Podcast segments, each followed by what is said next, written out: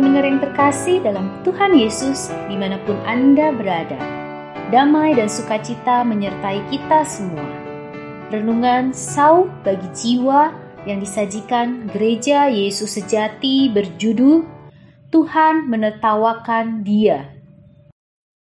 Orang fasik merencanakan kejahatan terhadap orang benar dan menggertakkan giginya terhadap dia.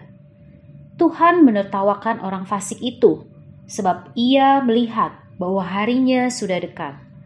Mazmur pasal 37 ayat 12 sampai 13.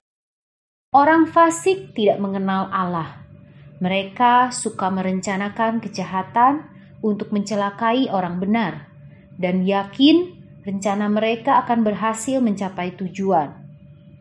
Namun Allah akan membiarkan mereka menjalankan rencananya sehingga mereka merasa akan berhasil. Sesungguhnya Allah menempatkan mereka di tempat yang licin, yang akan membuat mereka jatuh dan hancur. Binasa mereka dalam sekejap mata, lenyap habis oleh karena kedahsyatan. Mazmur pasal 73 ayat 18 sampai 19.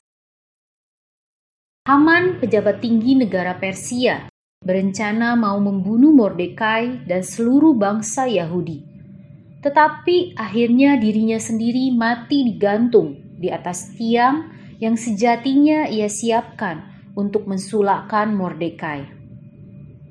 Orang Kastim membuat rencana untuk mencelakai tiga sahabat Daniel. Tiga orang itu dilemparkan ke dalam perapian, namun tidak cedera. Akhirnya, mereka sendiri yang mati dilemparkan ke dalam perapian itu.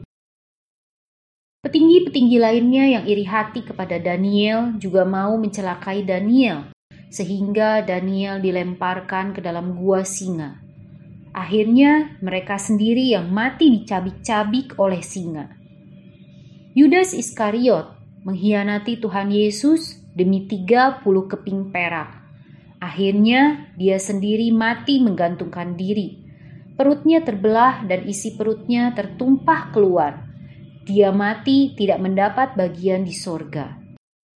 Di Alkitab banyak contoh-contoh bagaimana orang yang berikhtiar mencelakai umat yang mengasihi Tuhan, akhirnya mereka dipukul mati oleh Tuhan dalam keadaan yang mengerikan. Orang jahat berencana mencelakakan orang benar dan menggertakkan gigi terhadap orang benar. Akhirnya, bukannya orang benar yang mati, melainkan mereka sendiri yang binasa. Mereka mengundang Tuhan menertawakan mereka. Mereka tidak sadar kalau harinya sudah dekat, yaitu hari penghakiman buat mereka. Pedang yang mereka mau gunakan untuk mencelakai orang justru menikam diri sendiri. Busur panah mereka pun dipatahkan Allah, karena Allah tahu semua rencana manusia. Allah akan membiarkan rencana mereka berjalan, namun orang fasik itu akan jatuh ke dalam jerat yang mereka pasang hingga mereka tewas. Hari ini kita menjadi anak-anak Allah, janganlah punya pikiran untuk mencelakai orang lain Janganlah beranggapan Allah tidak tahu rencana jahat seperti itu dan merasa Allah tidak akan menghukum. Kalau Allah untuk sementara waktu tidak menghukum, bukan berarti Ia tidak menghukum selamanya, melainkan Ia masih mengharapkan manusia berbalik dan bertobat.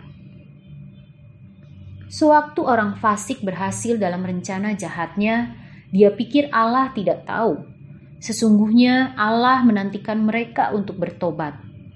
Bila mereka tetap keras kepala dan terus berbuat jahat, pintu anugerah akan tertutup dan Allah akan membuat perhitungan dengan mereka.